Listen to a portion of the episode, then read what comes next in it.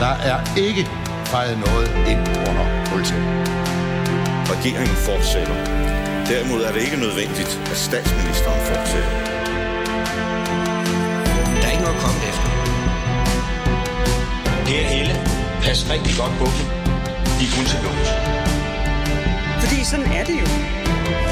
Jeg kan bare sige, at der kommer en god løsning i morgen. Velkommen til Ministertid Live. Ja, den er god nok. Det er Ministertid Live, der sender, selvom det er torsdag, fordi vi har byttet sendetid med blåt bælte. På grund af folkemødet sender vi i dag. Og folkemødet påvirker i den grad ugens program. Der er nemlig rigtig mange forhenværende ministre, der er taget derover, selvom øh, jeg er blevet her i studiet. Og øh, vi har dog en enkelt minister, for første gang nogensinde kun én øh, gæst her i Ministertid Live.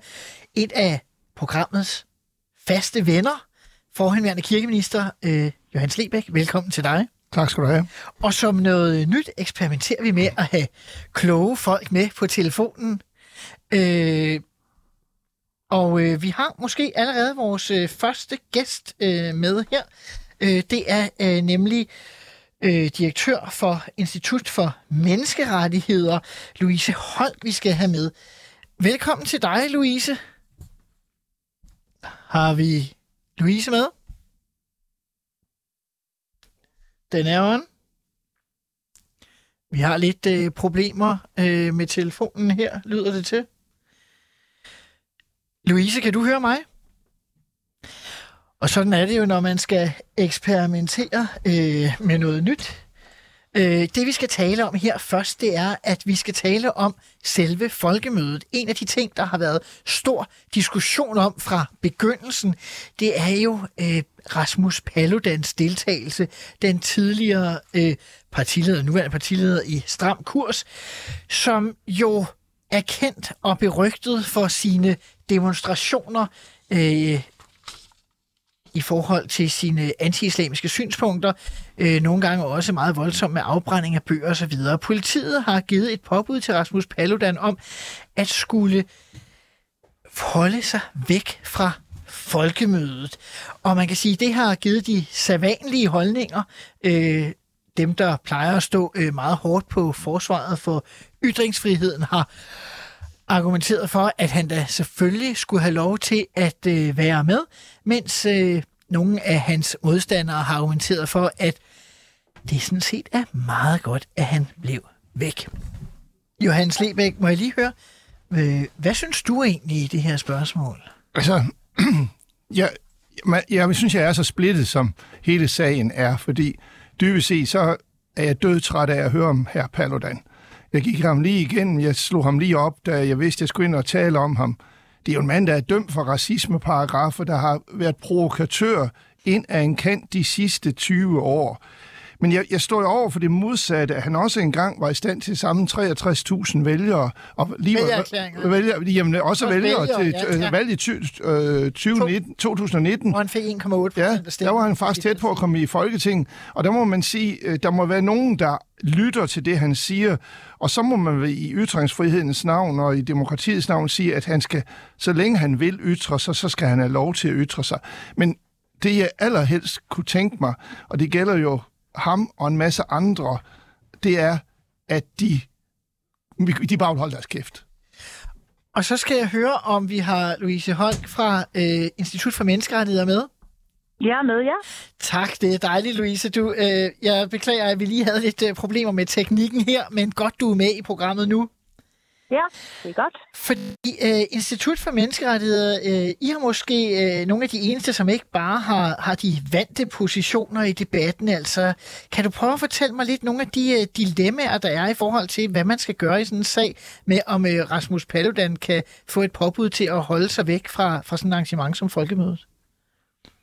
Øh, ja, det kan jeg godt. Øh, jeg hører rigtig mange, som er trætte af Rasmus Paludan og ikke synes, øh, man skal bruge mere krudt på ham, at vi bruger mange penge på at beskytte ham osv. Men når det er sagt, så er ytringsfriheden og forsamlingsfriheden, det er jo helt centrale øh, menneskerettigheder og frihedsrettigheder slået fast i grundloven. Og øh, det at øh, lave øh, et påbud, som man har gjort, og forbudt Rasmus Paludan at komme til Bornholm, øh, eller til at komme til folkemødet, det er meget, meget vidtgående, og det er det, vi har sagt, at øh, det kan man godt fra politiets side under nogle særlige omstændigheder, men det skal være aller, aller sidste udvej, og det er altså ekstremt vidtgående. Men er det fordi, det ikke er jeres øh, vurdering, at de omstændigheder er opfyldt? Øh, jeg har ikke, øh, vi har ikke taget stilling til, om omstændighederne er opfyldt, fordi det, det, det kan vi ikke. Det forudsætter simpelthen en, en indsigt i den sikkerhedsmæssige situation, som, som øh, vi ikke kender til. Så det, øh, det jeg og vi har været ude at sige, det er, at det er historisk, og det er meget, meget vidtgående, at man øh, påbyder en person ikke at deltage i et, et arrangement som ovenikøbet folkemødet, som jo sådan set er etableret for, at, at øh, man mødes og udveksler synspunkter og debatterer. Og, øh, og så kan man sige, at Rasmus Paludan, hvad enten man bryder sig om ham eller ej, han er oven i købet politiker og partistifter. Så det er, er decideret fra statens side, og det er jo det, der er forbydet deltagelse. Det er meget, meget vidtgående, og det, det øh, giver anledning til bekymring i forhold til, øh, til øh, vores øh, ytringsfrihed og vores forsamlingsfrihed. Det man så kan sige, det er, jamen er det, er det så i orden? Øh, kan man gøre det, eller er vi derude, hvor Rasmus Paludan rent faktisk har fået sådan krænket sine menneskerettigheder? Og det, det kommer an på en, en vurdering af den øh, afvejning, politiet har lavet, som, som jeg ikke er, er i stand til at foretage, fordi jeg simpelthen ikke kender sikkerhedssituationen osv. Men det betyder, men som jeg alligevel forstår det, så betyder det, at sådan rent øh, teoretisk, så alt efter hvordan den, øh, det grundlag har været, den afvejning, der har været, så kan der godt være en mulighed for, at hans menneskerettigheder faktisk er overtrådt.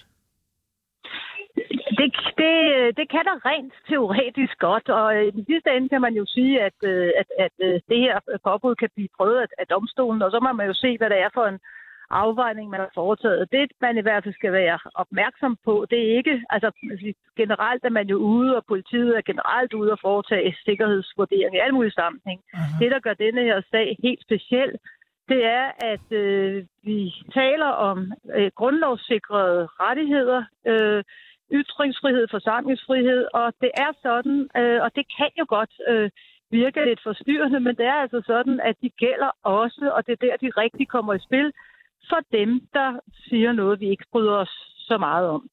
Øh, og det er vigtigt. Det er vigtigt at holde fast i. Øh, og derfor er det også helt afgørende, at man øh, fra politiets side først i givet fald skrider til en så øh, vidtgående foranstaltning, som vi ser her, hvis man virkelig ikke ser andre muligheder, hvis der er et trusselbillede, som er en karakter, hvor man hvor det vidderligt er det, der vejer, vejer tungest. Øh, og det er også vigtigt, at, øh, at man ikke helt afskærer ham for at ytre sig. Og der kan jeg så se, at altså, hvis man nu havde sagt, at det er hele Bornholm, han ikke må være på, så ville det indlysende have været et, et, et, et stort problem. Der, nu kan man jo konstatere, at man har lavet et afgrænset område, så der er ikke nogen tvivl om, at, at politiet er helt klar over, hvad det er for en afvejning, man er inde i, og man er, er ude i noget, som, som, som piller ved de grundlovssikrede menneskerettigheder.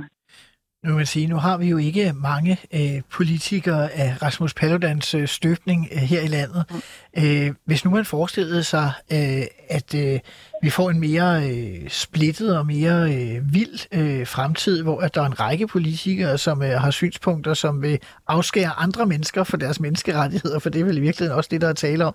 Altså, mm. så kan man jo nærmest, hvis der var 10 eller 20 eller 30 af hans slags, så kan man vel godt sige, at så vil det blive svært at gennemføre sådan nogle folkemøder, hvis de alle sammen skal deltage. Ja.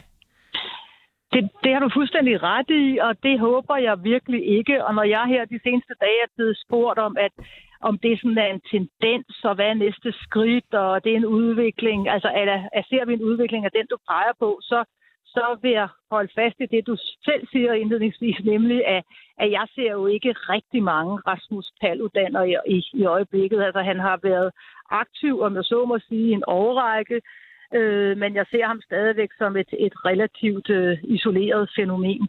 Og jeg synes også, det er vigtigt at holde fast i, nu slår jeg, øh, øh, nu, nu peger jeg på væsentligheden af, af ytringsfrihed og forsamlingsfrihed, men det er jo også vigtigt at sige, det er jo ikke, øh, det er jo ikke absolute rettigheder. Det, man taler om, det er, at man ikke må indføre censur, eller man i hvert fald skal være meget varsom med at begrænse folk i deres mulighed for at ytre sig på den ene eller den anden måde. Men efterfølgende, så siger menneskeretten jo også, at øh, så skal man for eksempel, øh, altså Danmark har faktisk en forpligtelse efter FN's racediskriminationskonvention til at have en racismebestemmelse. Øh, så efterfølgende, så kan man øh, retsforfølge, og det bør man naturligvis også gøre, hvis, hvis det, der bliver sagt, er noget, som i øvrigt er strid med, med den lovgivning eller internationale forpligtelser, for eksempel racistiske ytringer. Det er vigtigt at slå fast også her. Men på den anden side kan der vel også øh, øh, være et, øh, en modsatrettet problem i forhold til netop, at, øh, at han er en øh, politiker både i periferien, altså han blev jo ikke valgt ind, men også politisk i periferien, og derfor når politiet kommer den slags øh, påbud, så kan det godt være, at vi kan holde øh, sådan, øh, skoletaler og have diskussioner om det, men der er jo ikke rigtig nogen, der, der griber ind over for det. Er der ikke en risiko for, at minoriteter i politisk forstand øh, nemmere bliver øh, udgrænset og, og, og får deres rettigheder trykt under fodet? Altså minoriteter, hvad mener du med altså minoriteter? minoriteter altså, som politiske holdningsmæssige altså, minoriteter. Ikke? Altså du mener, okay, på den måde. Ja. Øh, altså dem, der mener noget ja. anderledes end de fleste af os, for nu at sige det sådan. Ja, ja, nå, men, men, men det kan man sige, det er jo det, der er, altså det, det, det, der er rigtig vigtigt at, øh, at være opmærksom på, og det er også derfor, jeg understreger, at øh, hvor, hvor tosset man end kan synes noget er, hvor, hvor hvad man end måtte øh, mene om de, de ytringer, så er det sådan, og det er øh, nogle af de helt fundamentale demokratiske principper, det er, at, at ytringsfriheden, den må man stå vagt om, og man må også stå vagt om den i forhold til personer, der siger noget, som som flertallet måske synes er langt uden, uden for skiven. Det er faktisk der, de her frihedsrettigheder, de kommer på prøve, fordi du har ret i, at, at langt hen ad vejen, jamen, så er der jo mange, der kan blive enige om, om alt muligt, øh, øh, og så, så, så bliver det jo ikke så kontroversielt. Det er derfor, at tingene kommer på, på spidsen, på spidsen i, i denne her situation. Louise Høj, direktør for Institut for Menneskerettigheder. Tak fordi du vil være med her i Ministertid på 24-7. Selv tak. Og Johannes Lebæk, vi vender lige tilbage til dig. Du var lige ved at sige, at øh, du lander måske nogenlunde der, hvor Louise Holk er. Forstår jeg dig ret? Ja, det tror jeg, jeg er meget enig med Louise Holk. Jeg øh, sluttede lidt bræt med at sige, at jeg, jeg egentlig helst ville have, at han skulle kunne holde sin, sin mund, må jeg hellere sige. Øh, det gælder jo sådan helt generelt, at, at øh, den type politikere, og dem kan vi finde over hele verden, har jo en evne til at erobre medierne. Og det er jo så det, det, han er i færd med igen her. Og jeg kan blive i tvivl om, man er måske alligevel skulle have sat et par betjente på ham, og så ladt ham gå rundt på det der folkemøde, så kan det være, at der er blevet lidt mindre opmærksomhed omkring ham. Jeg kan jo glæde mig over, at der er afbrændingsforbud på Bornholm, så han kan i hvert fald ikke brænde koraner af derovre, men han har også tidligere truet med at gøre andre ting ved øh, koraner, der var endnu mere nedværdigende, så man kan ikke vide, hvad manden kan finde på. Og, og det kan ærge mig over, at han får så relativt meget taletid, men jeg forstår da godt den principielle. Jeg er jo radikal. Det er jo klart, at vi er enige med Louise Holt på, på og jeg, hun er jo lige tvivlende, som vi er, kan vi høre. Fordi hun sætter jo et lille spørgsmålstegn ind ved, at politiet kan jo have en, en årsag, vi faktisk ikke kender til. Aha. Det kan jo faktisk være, at PET har sagt, ved I hvad, vi ved noget, som I skal vide, og vi holder det lidt stille. Det, det ved man jo ikke, og vi kan se, at politiet har ret til det her, men det er selvfølgelig uheldigt. Det måske ville være allerbedst, at han går rundt, og ingen lader mærke til ham. Men hvis nu, at vi øh, siger, at øh, det var en ting, man kunne håndtere. Du siger, man kunne have sat et par betjente på ham, for eksempel. Øh, så kan jeg sige, at i sidste uge, der havde, vi, havde jeg et par gæster her i studiet i fredags. Mm. Her iblandt øh, din partifælle, Rasmus Helve Petersen. Og øh, han mente, øh, i øvrigt i lighed med den konservative Anne Birgitte Lundholdt, der var her, at øh, man skulle sådan set øh, bare sige, at, øh, at han skulle holde sig væk. Det var der ingen grund til at gå dybere ind i den diskussion. Altså forbyde ham at komme? Ja, altså de, de synes ikke, at det var en stor øh, principiel diskussion. Lad mig, lad mig, lad mig det, det, sådan. Jeg synes nok, jeg, jeg kan deltage i den principielle diskussion. Altså det, det er jo sådan øh, øh radikalt skolerit at deltage i den type diskussioner, også fordi vi altid bliver i tvivl, om vi gør det rigtige. Og det synes jeg, man, man i, i den her sag, man er jo ikke i tvivl om, man egentlig helst vil have, at man ikke får noget taletid, fordi det er stort set... Øh, noget pjat, det han går og laver. Altså, det har jo ikke nogen, nogen dyb politisk relevans. Det, det fik dog 1,8 procent Ja, det, det, det er lige præcis, og det indledte jeg også med at sige, at, og der har du et, et andet stort problem, som vi jo kan genkende på meget større skala, synes jeg, i USA, øh, omkring hele trumpismen og den, det, at der jo er en vælgerbase til folk, som sådan nogen som du og jeg, synes dybest set er tosset dybest set siger noget tosset, og noget, der går langt ud over stregen i den almindelige politiske debat.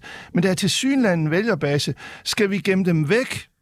Eller skal vi tillade, at de kommer til overfladen, så den vælgerbase også føler, at de måske kan blive hørt? Det synes jeg er et meget stort demokratisk problem. Men har noget af det særlige ved det danske demokrati ikke altid været i virkeligheden? Vi har haft en lav spærregrænse. Det har været forholdsvis, øh, siger jeg, selvom jeg ikke har kunnet øh, nemt at få lov til at stille partier op. Øh, der er nemt at få adgang til debatten med SoMe og alt muligt, mm. så kan enhver jo ytre sig. Vi har jo altid sagt, at øh, vi fik ikke samme problemer med højre- og venstre ekstremister her, fordi vi ligesom lå dem komme til ord, lade dem blive blandet ind ja. i det venlige danske samtale, folkestyre.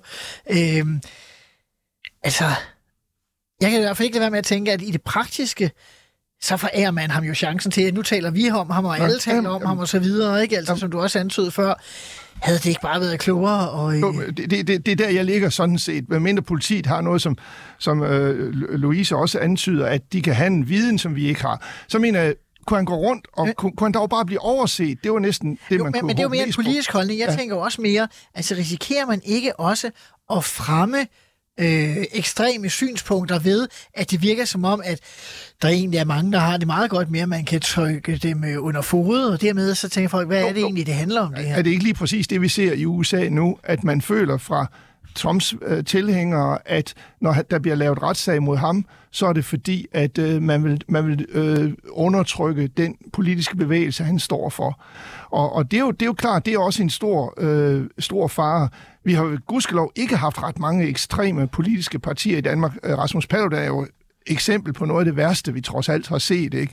Øh, og, ja, dog øh, DKP og VS og sådan ja, noget. Jamen, altså der, 60'erne og 70'erne. Jeg, jeg, jeg, kan huske et valg, hvor der var fem 80'erne. eller seks venstrefløjspartier, men altså... Øh, de, de, de var jo, jeg ved ikke, altså, de, de, de var nærmest underholdende, at øh, det, det var meget sjovt til de der partilederdebatter, at der var øh, så mange partier, der ikke engang fik 20.000 stemmer til, til Folketinget. Men helt underholdende havde det vel næppe været, hvis DKP havde fået magt, som de havde agt, og ville gøre Danmark til en eller anden form for sovjetstat. Nej, men, men det var der jo ingen, der rigtig var bange for, selv efter 2. verdenskrig, hvor de havde så stor øh, succes efter at have virkelig, mange af dem havde optrådt ganske flot i modstandsvæsen, kom de jo heller ikke ind med så mange med kandidater, der var gået et enkelt valg.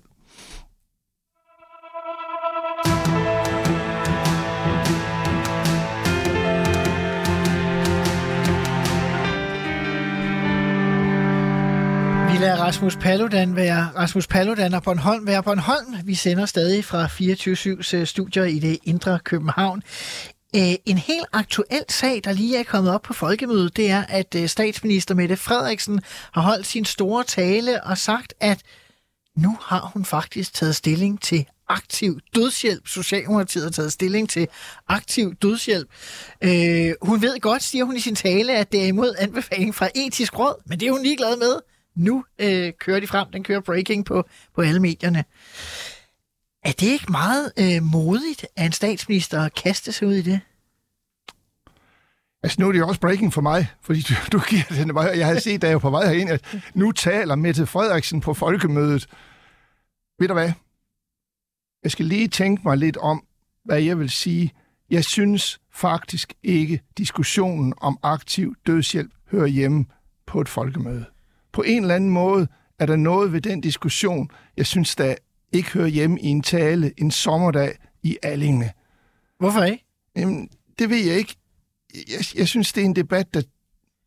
Jamen, jeg er nok også gammeldags. Jeg synes, det er en debat, der, der, der, der, der kræver noget andet, end man står i solskin på Allinge, og folk sidder med, med øh, over ved, ved siderne med, med deres fadøl, og så skal man diskutere aktiv dødshjælp der det forstår jeg ikke helt, men jeg kan forstå, at pressen synes, det er breaking.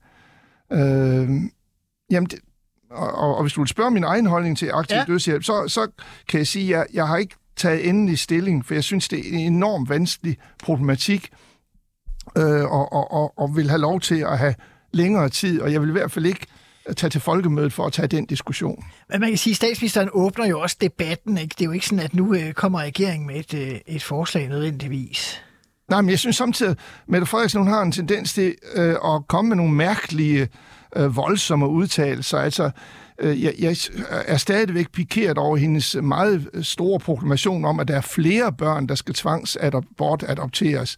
Altså de her meget drastiske udmeldinger på meget følsomme etiske spørgsmål, det kan jeg godt være i tvivl om. Jeg synes der synes jeg på en eller anden måde, at man også som politiker selvfølgelig nok skal sætte en dagsorden og åbne en debat, men så skal alligevel også være meget forsigtig til at finde det rette forum til at tage den slags meget følsomme spørgsmål. Hvorfor ikke diskutere øh, lønstruktur i stedet for? Det er jo noget, der hører hjemme på sådan en måde. Hvorfor ikke diskutere... Øh, lønstruktur kommer vi i udsendelsen til at, ja, ja, men, at diskutere ja, sidst det, det, det, Men du må, du, må, du må forstå, jeg vil nok bedre være for gammel til, at jeg synes, den slags meget etiske spørgsmål skal, skal have den placering i debatten. Men kunne man ikke vende det om og sige, at det er da egentlig ret flot, at Mette Frederiksen siger, her er politikerne sammen med folket. Nu øh, vil jeg statsminister i Danmark tage en svær diskussion med folk og sige, det kan godt være, at etisk råd siger nej. Øh, jeg har et andet synspunkt, nu synes jeg, vi skal have debatten.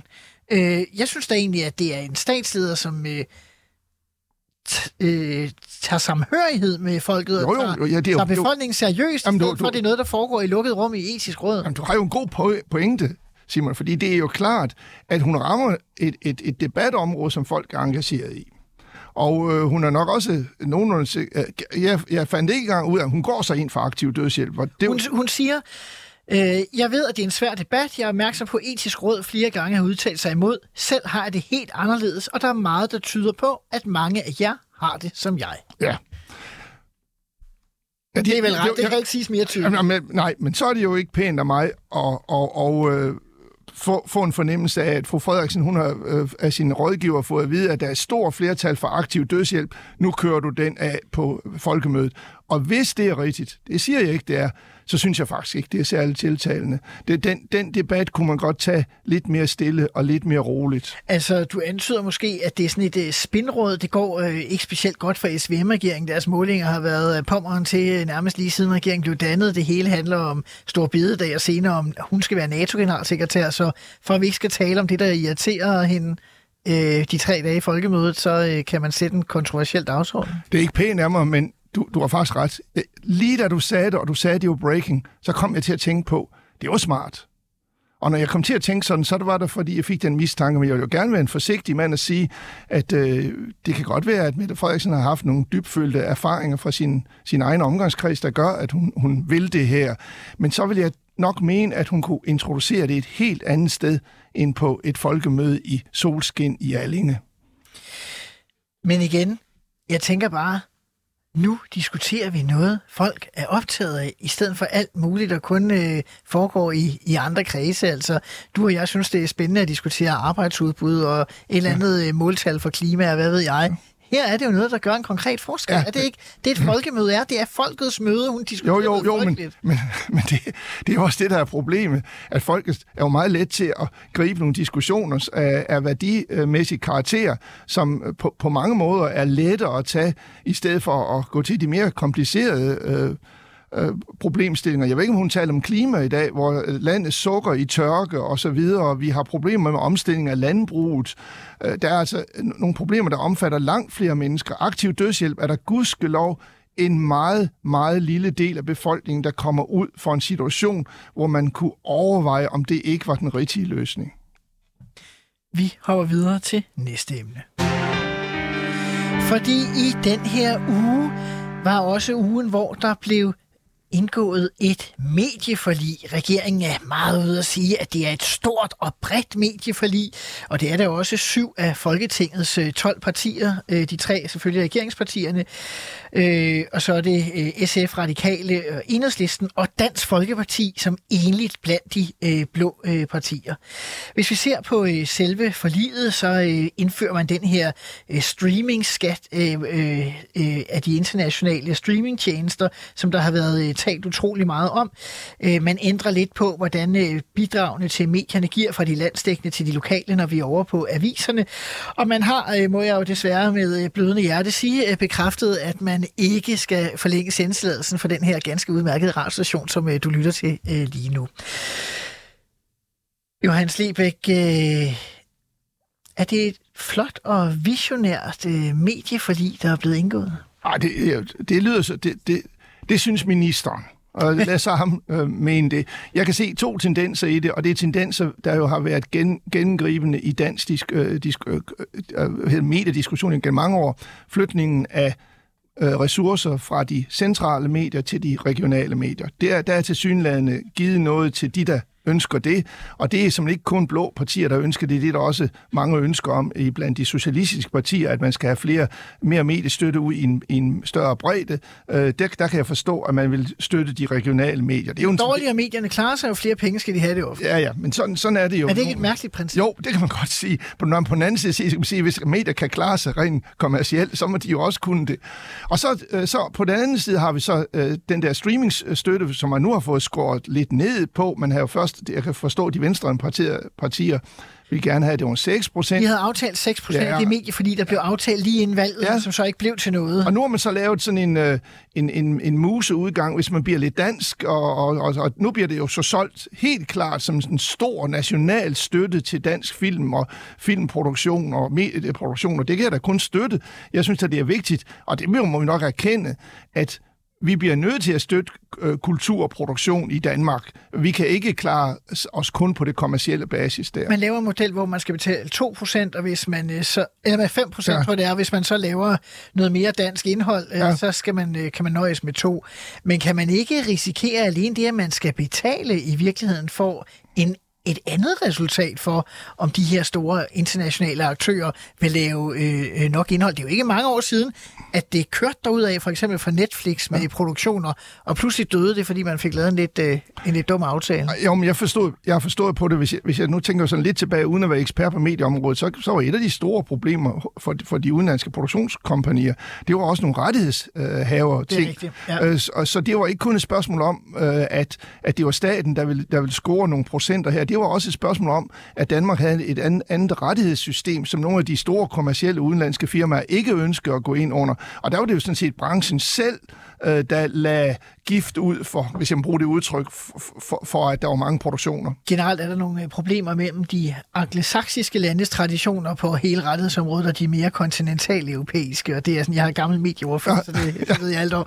Øh, men et af, øh, af de problemer, altså det her det er en sag, jeg har været lidt optaget af længe. Jeg vil sige, at da jeg sad i VLAK-regeringen som minister, der øh, noget af det, i, i slutningen af den øh, periode, der ville Lars Lykke faktisk have gået ind for det her. Og det kan vi ham ikke lov til, det har også beskrevet i en bog, der udkom øh, for nylig, at øh, vi sagde simpelthen nej, øh, både Liberale Alliance Konservative, men også dele af Venstre i koordinationsudvalget, selvom han virkelig insisterede. Så det overrasker mig sådan set ikke, at SV og Moderaterne kan blive enige om det nu. Personligt er jeg bange for, at det får en, at det ikke bliver så lykkeligt, som det man bare lægger op til. Hvad er det, du er bekymret for specielt? Jeg er bekymret for, at når man tager penge fra folk, så vil de lave noget mindre. Ja, det er nok. Altså, ja. al øh, erfaring viser jo, at hvis du beskatter noget, så får du mindre af det, du beskatter, end hvis du ikke beskatter noget. Altså, er det ikke, det er da sådan et skåltalagtigt at sige, nu beskatter vi noget, og så får vi mere af det, end vi fik ellers. Altså, det er jo Nå, men det, det, det, man har lavet den der lille, øh, den, det, det, det der lille lokkemiddel. Laver I så 5% dansk indhold, så slipper I med 3% nedsættelse af afgiften. Og, og så er der jo også lidt... Øh, øh, statslige øh, overvejelse i det. Jeg har læst et tal på 100 millioner kroner, kan det give, og de 100 millioner kroner kan så eventuelt, dem kan man så tillade sig at bruge på kultur. Men vi har jo bunende kasser. Kulturministeriets ja, ja. budgetter er et af de mindste. De 100 millioner kroner kunne man da bare tage op af kassen. Ja, ja, men det kan du have ret i, men... Jeg, jeg, jeg, jeg, jeg synes bare, logikken, bare lige for at holde fast ja, ja. i Johannes Lebæk. Ja. Altså, vi skal høre på, at politikere de vil beskatte alkohol noget ja. mere, miljøsvineri noget ja. mere, cigaretter noget mere, for så får man mindre af det. Ja. Nu beskatter man streaming herunder dem, der laver dansk produktion jamen, noget mere. Jamen, altså, Simon, Får man så mere eller mindre af det? du, er god, du er god, Simon, og god til at overbevise mig. Jeg, jeg, jeg, jeg, den, jeg er jo ikke den idé om en beskatning af streamingtjenesten er jo ikke født hos, øh, hos mig, så jeg, jeg kan godt følge din argumentation. Okay, og det er ikke for at, at fortsætte med at være ubehagelig, men alligevel, når nu jeg har en radikal i studiet, oh, ja. så siger alle rygter på Christiansborg, at det har været en særlig prioritet for det radikale venstre at lukke 24-7. Har du også hørt det? Nej, den har jeg ikke hørt. Jeg, ah, men det jeg, vil sige, hørt, at... at... jeg vil sige, den er så øh, fremme i skoene, så jeg vil nærmest sige, at den er sikker. Ja, men sådan nogle rygter lytter jeg ikke til, men jeg, jeg har læst på glade øh, Facebook-opslag fra radikale, at de er glade for, at der kommer en børneradiokanal. Børne- og unge. Unge radiokanal. Og fordi øh, det kan måske også være sådan et, et led i den der trang til, at, at hvis, de hvis de har øh, høretelefoner på, så kigger de ikke på skærme samtidig. Det er måske nok en, lidt en uh, naiv forestilling. Men, det altså, sagde du? Nå, nå, jo, det, jeg, sagde, jeg sagde, at det kunne være en naiv forestilling, fordi jeg ved godt, hvor, hvor, hvor skærmafhængige unge er, og ville synes på mange måder, det var lige så godt, de bare gik med noget i, i ørerne, og så, og så samtidig sad og tegnede. Men øh, Så må, det er jo så et eksperiment, man laver med de der 60 millioner, og, og, og det kan man så diskutere, om det er godt eller dårligt. Det, det er sådan nogle penge, man har flyttet fra DR ud i det private, så i det mindste, hvor der men, måske men- kan være nogle miljøer, der kan opstå, det ved jeg ikke. Men er det ikke bare en gentagelse af uendelig mange års forfejlet mediepolitik, hvor man starter den ene nu kan man det et lydunivers i stedet for en radiostation, men så det ene lydunivers efter det andet. Der har været TV2 Radio, der har været Radio 24 det nuværende 24 Radio 4, der var Voice, der skulle have FM5, og nu skal der så være en børne- og ungdoms øh, lydunivers. Altså hælder vi ikke bare statspenge ind i det ene projekt efter det andet for at lukke det, hver gang det begynder at blive en succes? Om det er jo fordi, der går, det er vel også fordi, der går politik i det. Altså, da 24-7 i sin tid blev lukket og flyttet til... øh, Radio 24/7. øh, Radio 24-7 blev, blev lukket og skulle flytte til Jylland, eller hvor det nu var, de skulle flytte hen. I hvert fald så langt væk fra salongerne i København. Øh, der, der var det jo ren politik, og der kan man sige, det, det, der, der kørte det vel, det var der, det først og fremmest kørte af sporet. Der, øh, den tidligere Radio 24-7 var jo rent faktisk en succes. Øh, og, og det var jo... Fordi de er sendt på FM-båndet. Ja, ja også derfor. Og, og det, var, øh, det, det, det, det er jo... Jeg, ved ikke, jeg kender ikke rigtig... Øh, øh, men for mig... Jeg, jeg har jo altid været til den, haft en tendens til at holde fast i FM-bånd, som jeg har lært at, at, at høre DAB-radio også. Tak. Så, så, så, men øh, men FM-bånd har jo været stærkere, det, da 24 Radio 24 i sin tid havde den, der, der blev de jo til en succes, og der kan man sige, at det var ikke rimeligt, at de, at de måtte holde op. Men når man husker på, hvorfor er det, man har lavet alle de her lyduniverser igennem årene, så er det fordi Danmark, Danmark er i den mærkelige situation, at der findes jo ikke mange demokratiske lande, hvor staten sidder på så stor en del af radiolytningen, som tilfældet er. Mm. Med den medieaftale, der bliver lavet nu, holder vi så ikke fast i, at øh, Danmark har en unaturlig høj lytning af radio fra staten? Jo, det kan du sige. Det er staten, der støtter det hele, men, men det er jo et spørgsmål om, hvor, hvor, hvor, hvor, hvor, hvor svært det er. Der er jo nogle få kommercielle udbydere af, af podcast, der, ikke, der vil være helt selvstændige.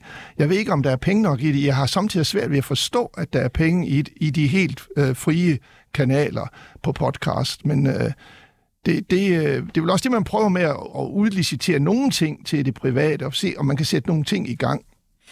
Vi lader det ligge her, både med medierne og med de radikale, øh, og går videre til næste emne.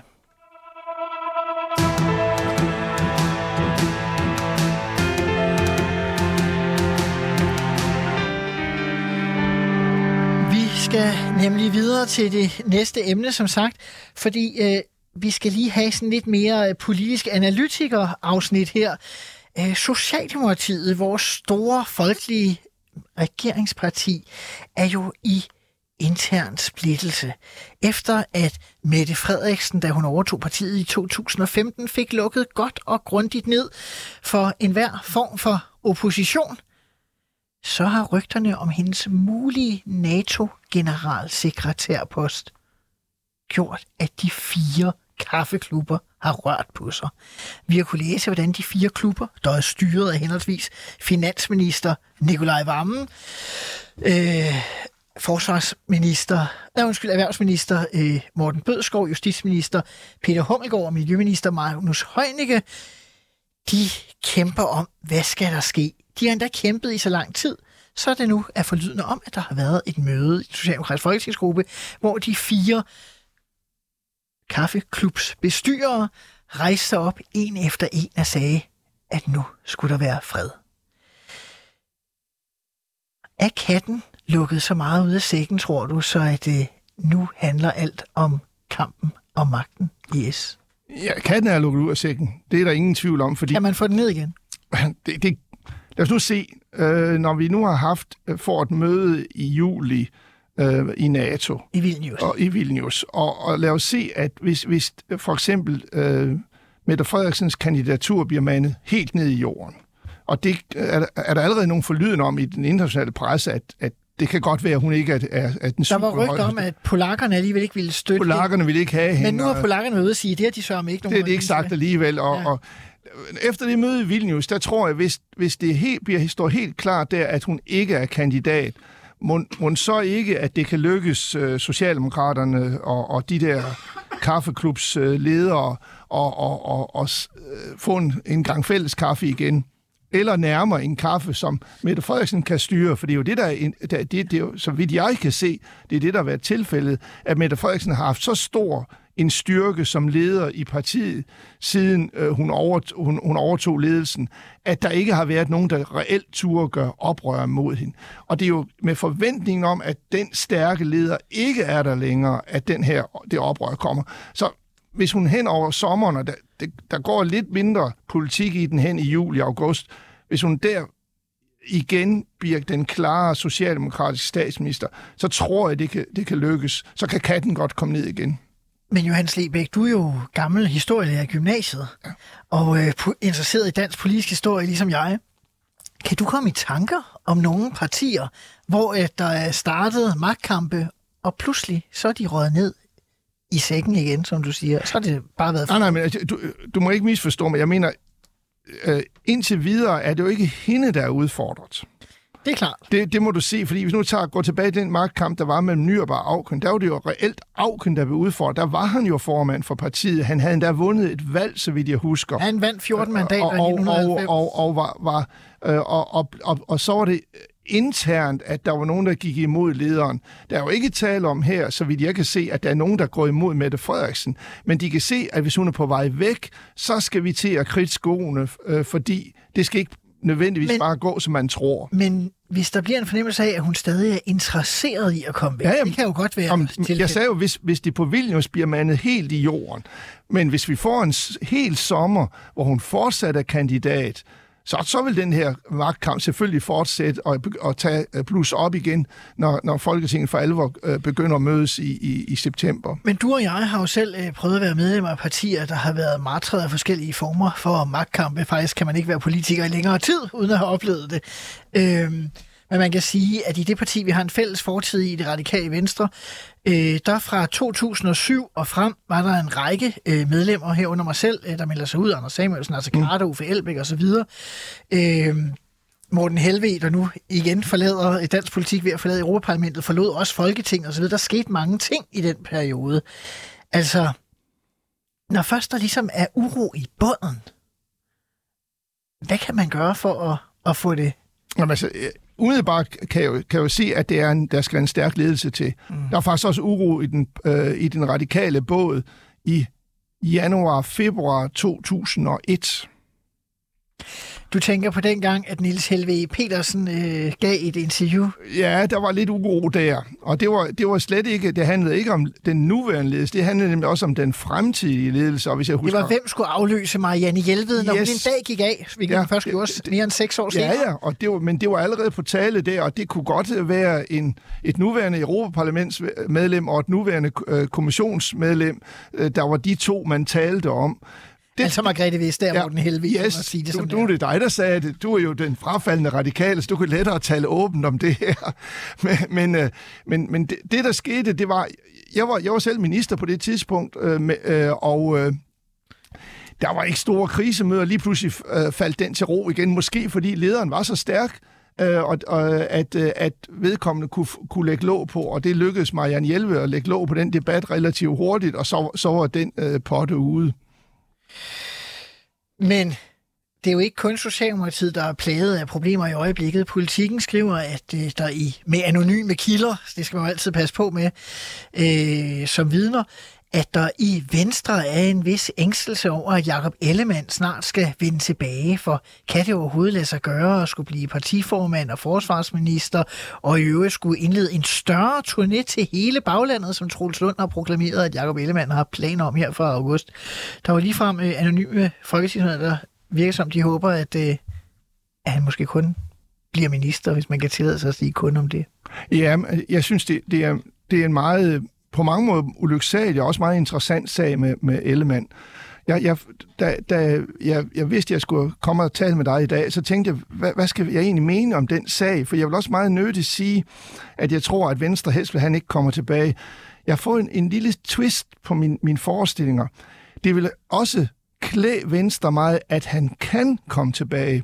Og min pointe er, at et moderne parti vil gerne kunne leve med, at folk kan gå på overlov fordi det er tidens ånd, at man kan, man kan blive syg, gå på overlov, blive rask og komme fuldtonen tilbage. Så der vil også være en vis motivation hos Venstre for, at han rent faktisk kan komme tilbage, en vis støtte til at sige, vi er et parti, hvor vi kan rumme, at øh, lederen øh, går ned og kommer igen. Så det kan også være et argument, men ellers må jeg indrømme, at, at hans, hans udsigter, han, han, han skal godt nok, han er meget udfordret. Men hvad betyder det for et parti? Altså, anonyme kilder siger i avisen, det har, jeg svært ved at, det har de svært ved at forestille sig, det- det, det- ske. Den, den situation, der er i Venstre, er jo for, for tiden helt absurd. Og det bliver meget spændende at se, øh, og ikke nødvendigvis rart, hvis man er venstremand, og se, hvad der, hvad der skal ske i fremtiden, fordi øh, det, det kan ramme totalt for dem øh, i fremtiden, det her. Det, det, det er klart, de er også på vej ned, de har været på vej ned i en. De er lidt usynlige i regeringssammenhængen, som styres af Mette, øh, der har stor indflydelse, og, og Lars Lykke, som tager så stor indflydelse. Skal nu til et andet af ugens store emner, nemlig lønstrukturkomiteen. Det er dem, der har skulle se nærmere på, øh, hvordan det lige var øh, med hvilke faggrupper, som havde fået en- har en bedre løn, end de fortjener, lige ved at sige, eller en dårligere løn, end de fortjener. Jeg skal øh, høre, øh, om Henrik Bak Mortensen er med på telefonen. Henrik, er du der? Ja, det er i hvert fald. Det lyder rigtig godt. Øh, Henrik Bak Mortensen, du har jo en fortid, jeg vil sige, rigtig mange steder, blandt andet som direktør i Dansk Arbejdsgiverforening og ledernes hovedorganisation, øh, uden jeg skal nævne hele CV'et. Øh, og du har også siddet med i den her øh, lønstrukturkomité. Når man følger debatten, så synes jeg stadig, at det er lidt svært at blive klog på. Det, der startede det hele, det var, at nogen mente, at sygeplejerskerne fik for lidt i løn. Gør de det? Men det er jo også øh, det triste ved hele den affære her. Det har vi slet ikke svaret på, og det har heller ikke været vores opgave. Det vi har gjort, det er at prøve at belyse nogle væsentlige forhold på arbejdsmarkedet, herunder lønforholdene, med med det formål, at dem, der fastsætter lønningerne, nemlig parterne på arbejdsmarkedet, de offentlige arbejdsgiver og lønmodtagerne, at de kan få et bedre, øh, et bedre grundlag for deres, øh, for deres øh, forhandlinger med hinanden. Og der er virkelig grund til, at de gør det på en bedre måde, for altså sagt med mine egne ord, lidt tydeligere end komiteen sikkert gør, de har faktisk ikke løst opgaven særlig godt indtil nu. Og det er jo en af grundene til, at vi har haft øh, alle de hissige diskussioner, blandt andet omkring sygeplejerskerne. Hvad er det, de har gjort forkert? Ja, altså den korte version, den er, at øh, sådan som vi har indrettet det offentlige arbejdsmarked, så er der hver gang, der skal forhandles en vis sum penge, som skal fordeles mellem de forskellige grupper. Og det er jo i høj grad så et slagsmål mellem de offentlige arbejdsgiver og lønmodtagere, hvem der skal have hvad. Det har man så historisk set i alt for stor udstrækning løst ved at give alle de samme lønstigninger, øh, og det fører så med sig, at øh, det offentlige arbejdsmarked ikke fungerer lige så godt som for eksempel det private arbejdsmarked, hvor vi jo er vant til, at dem, der er særlig meget brug for, de får store lønstigninger, dem, der er mindre brug for, de får mindre. Sådan at arbejdsmarkedet løbende tilpasser sig de behov, der er på arbejdsmarkedet. Det har de ikke været gode nok til på det offentlige arbejdsmarked. Du har, udover at sidde i komiteen, har du jo også øh, fået trygt en kronik i Jyllandsposten her øh, forleden dag med overskriften Hvis sygeplejersker skal have mere i løn, skal kravene til dem også være skarpere. Ja, og det afspejler sådan set det synspunkt, at øh, hvis der er særligt behov for nogle grupper, så bør det faktisk være sådan, at overenskomstforhandlinger afspejler det, ved at der bliver givet særligt store lønstigninger til den gruppe. Det jeg så også kommer ind på i min kronik, det er, fordi at, at det er jo ikke sikkert, det er alle, alle sygeplejersker, der har brug for øh, eller så, hvor det er nødvendigt at give større lønstigninger, hvis man skal have nogle flere. Det har for eksempel været nævnt, at altså, anestesisygeplejersker er i særlig grad i underskud. Så bør man jo føre sin overenskomstforhandling og sin lønaftaler på den måde, at det lige præcis er den type sygeplejersker, der får store lønstigninger. Der er jo ikke nogen grund til at give lønstigninger til 10.000 andre, øh, hvis, øh, hvis, øh, hvis, øh, øh, hvis ikke der, der er arbejdsmarkedsmæssigt er behov for det. Du har sammenlignet det lidt med grøntsager. Altså, hvis efterspørgselen efter tomater vokser helt vildt meget, altså, så forventer vi jo, at prisen på tomater stiger, men det behøver prisen på ærter og meloner jo ikke gøre det på. Der har øh, været noget kritik af regnemetoderne i forhold til det arbejde, I har lavet. Det er især øh, Mona Strip fra FOA, Grete Christensen fra Dansk Sygeplejeråd, i forhold til, hvordan man tager tillæggene med ind som kompensation for sine. Øhm, Ja, ja.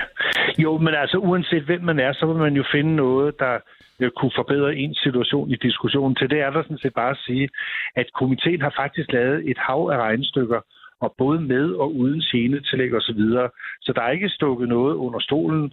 Øh, alle grupper har nogle ting, de fremfører, som er særlig stor betydning for dem. For eksempel siger akademikerne, at det duer ikke at kigge på deres timeløn, fordi de arbejder i virkeligheden langt flere timer, end det de på papiret får løn for. Øh, og på den måde er der masser af, øh, af fejlkilder, og derfor skal man lade være med at sammenligne de der lønninger, som øh, ligger i lønstrukturkomiteens rapport, øh, fordi det, det, det er ikke nok. Man bliver nødt til at inddrage andre faktorer i sine overvejelser.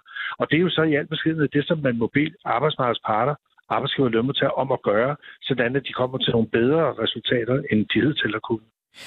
Øh, når man ser på, øh, hvordan øh, kortlægningen I har lavet af lønnen, både i det, man kalder mande- og kvindefag, så er der vel en klar ja. sens til, at, øh, at man er bedre lønnet, hvis man er i et mandefag end et kvindefag.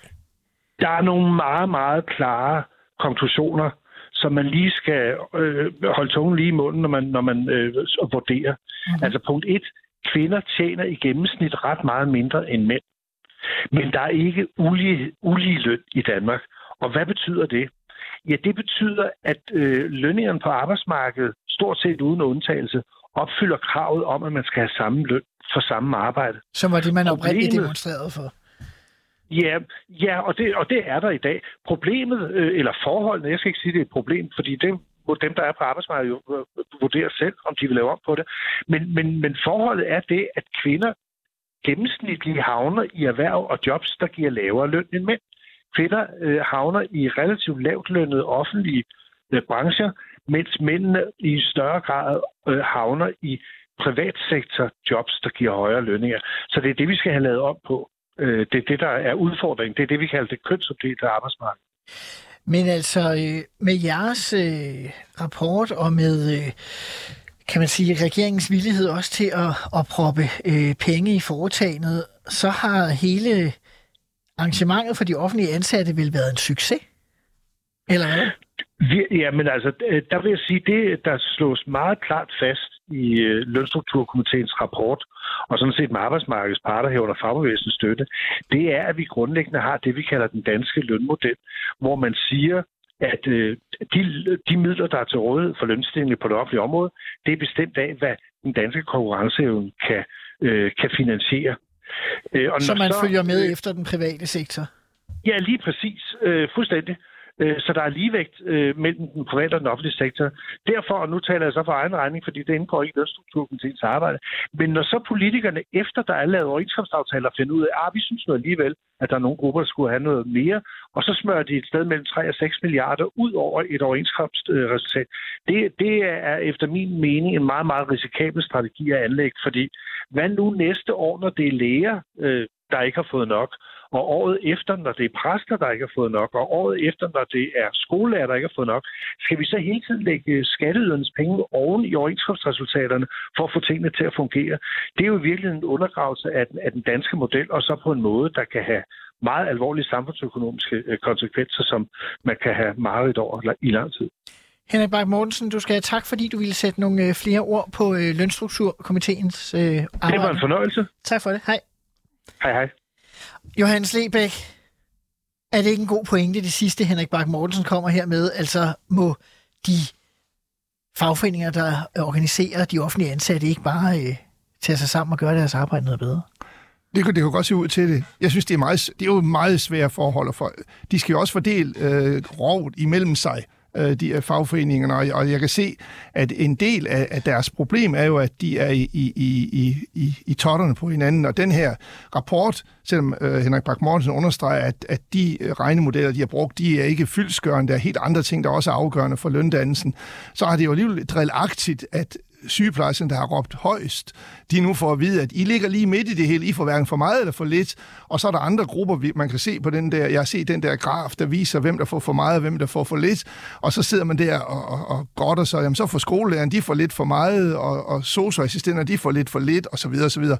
Og jeg er sådan set enig med Henrik Bak Mortensen i, at det er jo et spørgsmål om udbud og efterspørgsel, det her. Måske har det offentlige øh, arbejdsmarked jo altså en indbygget tendens, som jeg selv jo har levet med hele mit liv, at man, øh, at man giver solidariske lønninger. Jeg kom for nylig op og skændes med en af mine meget liberale venner, fordi han sagde, hvorfor skal, øh, skal lærer have det samme i løn? En god lærer skal jo ikke have det samme som en dårlig lærer i løn. Og vi blev faktisk næsten uvenner på det, hvor jeg jo forsvaret, at det er jo en del af vores kultur, at man man giver den gode og den dårlige lærer, lærer, lærer den samme løn, fordi på lærerværelset, der er man altså en gruppe, der er solidariske. Man kan, og det er utroligt øvrigt utroligt svært at måle, medmindre man skal begynde at måle på elevernes karakter, hvem er den gode og den dårlige lærer.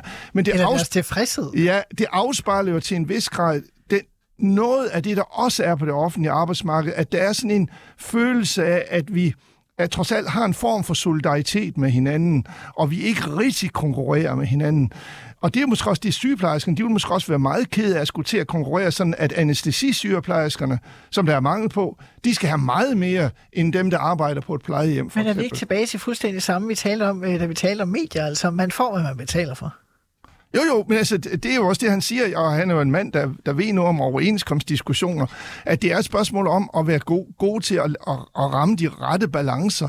Og øh, øh, det er jo næsten helt underholdende at høre sygeplejerskerne vride sig 10 gange over den øh, undersøgelse, der her har været. Og han giver dem til en vis grad også ret i, at det er andre ting, der, der er det væsentlige, når man, der skal dannes øh, løn på markedet. Nærmer os de sidste minutter af udsendelsen, Johannes Lebæk. Jeg synes, det har været en fornøjelse at have en lidt anderledes ministertid live-udsendelse, også med øh, ekspertindspark. Øh, jeg ved ikke, om jeg bliver ved med at være sådan breaking news -agtig. Jeg ved heller ikke, om det er rigtigt at breaking, selvom øh, på øh, TV2 skriver det som breaking. Øh, Mette Frederiksen har på folkemødet sagt, at hun synes, det vil være rigtig, rigtig godt, hvis man kan overtale Jens Stoltenberg til at fortsætte som NATO-generalsekretær. Det kan jo være, at hun bare siger det for ligesom at få sig selv ud af fokus igen. Øh, men alligevel lyder det ikke som om, at øh, hun prøver måske at få lukket den sag, fordi... Jo, det, det, var, det var til gengæld en breaking, jeg synes er interessant, øh, med, med, ud, øh, med udgangspunkt i, hvad vi diskuterede for et øjeblik siden, hvor jeg sagde, jamen den 11. juli ved vi, måske om hun bliver eller ikke bliver. For får de overtalt Stoltenberg til at blive, så er det i hvert fald udsat et år øh, eller halvandet, og så ser verden måske helt anderledes ud. Så holder man i hvert fald op med at snakke om, at hun lige skal til NATO i morgen, og, og øh, derfor kan det godt være, at hun på den måde øh, kan genvinde hun har måske læst i korten, at jeg bliver nok alligevel ikke NATO's generalsekretær. Lad os få Stoltenberg til at fortsætte. Så kan vi altid se, hvad der sker om halvandet år. En anden ting, der har været fokus, det er, at der har været premiere på sådan en film om Helle thorning Schmidt øh, hos Viaplay. Den her mm. du har set den jo, Hans Nej, jeg har læst om den. Altså, en af hovedpointerne er jo nok, at man bliver i hvert fald i hendes tid øh, skulle lide meget under øh, at få kommentarer på sit udseende, og det med at være øh, kvinde på en negativ øh, måde, at blive behandlet negativt, som hun også skrev i sin bog. Øh, er du enig i den pointe? Både og. Jeg er enig i, at, at der, er, øh, der er noget kønsdiskrimination over for kvindelige politikere. Men jeg må også sige, at kvindelige politikere altså samtidig lidt selv skylden. Jeg husker en, et, en, en, en, Hvordan? en artikel i Alt for Damerne for efterhånden 10, 10, 5, 20 år siden, hvor øh, en række kvindelige politikere, de blev fotograferet med det smarteste tøj på, og der var også kvinder, der stod i springvand i vådt tøj, og så må man altså selv ud om, at man sætter det kønspolitiske i gang. Men den historie, den vil kvinderne helst ikke tale om, men ellers er I enige med hende. Der er et emne, vi kan tage op næste gang, du kommer i studiet, Johannes Lebæk. Du skal have tak, fordi du vil være med i Ministertid Live her midt under folkemødet. Og til lytterne vil jeg sige, at på søndag kommer der en almindelig omgang ministertid, og der kan man også høre lidt mere om Helle Thornings statsministertid, for vi får nemlig forhenværende erhvervsminister for Socialdemokraterne, Henrik Sass Larsen, i studiet, og han fortæller en hel masse om, hvordan det egentlig foregik, dengang man dannede regeringen, han ikke blev finansminister, og hvordan samarbejdet var med Socialdemokraterne i Radikale. Det var alt for Ministertid live i dag. Jeg er tilbage igen med en almindelig ministertid på søndag. Indtil da på genhør.